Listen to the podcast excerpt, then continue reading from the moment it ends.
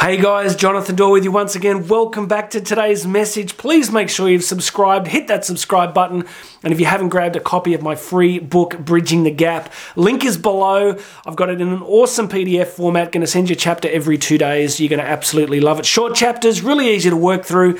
That's the book that started it all for me, so grab a free copy underneath. You ready to go? Let's do this. Today, we are going to be sharing a quote from the incredible Helen Keller. If you're not familiar with her story, lost her ability to basically communicate, her eyesight, her speech at the age of about 19 months.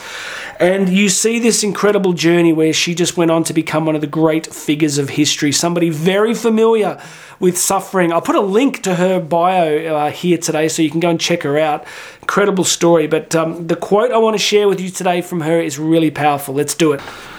Character cannot be developed in ease and quiet.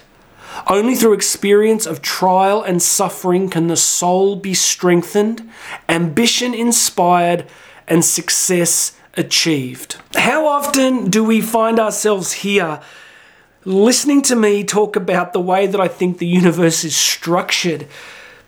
A few days ago, I was talking about this with a quote from Alfred Adler. Some of you'd remember that episode. We are a culture created for comfort. We're a culture where you can pretty much just get through life without too much difficulty. You can anesthetize the pain in your life through any number of substances. You can distract yourself with any number of entertainments.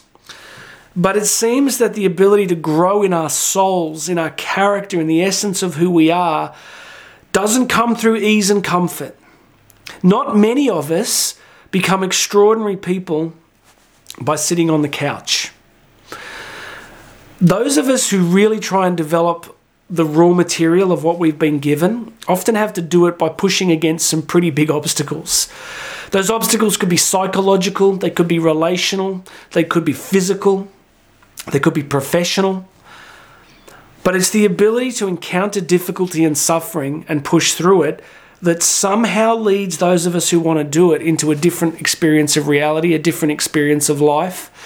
And I think what happens with suffering and difficulty is it either breaks you and makes you bitter and you start looking for a cause and you start looking for someone to blame. You start looking for someone who's responsible for why.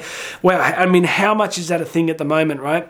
Our culture, our political culture particularly, is predicated on this idea that somewhere there is someone to blame, that somewhere there is somebody who is responsible for why you are unhappy and if you vote for them, they're going to make things better for you.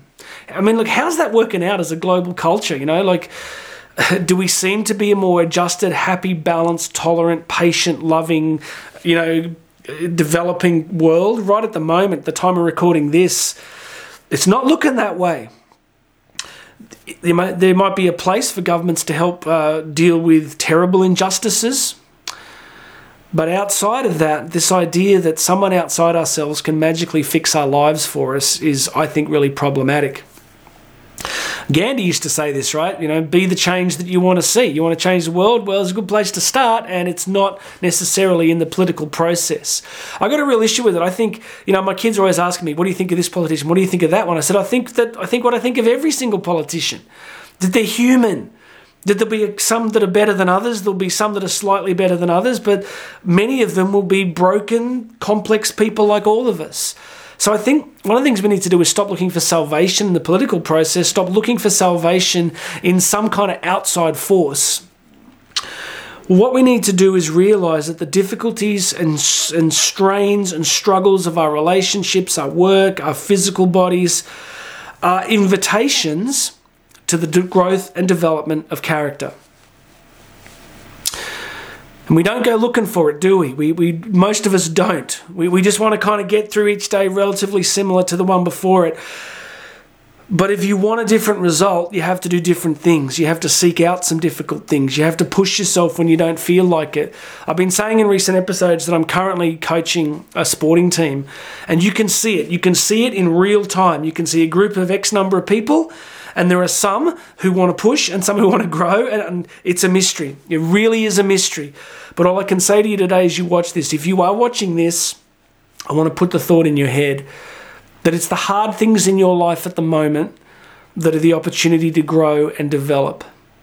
If you can face them, push through them, accept them, be decent in them, be a good human in the midst of suffering, avoid blame and rage and you know judgment, operate in acceptance and invitation that yes, this is difficult, but I am going to grow through it.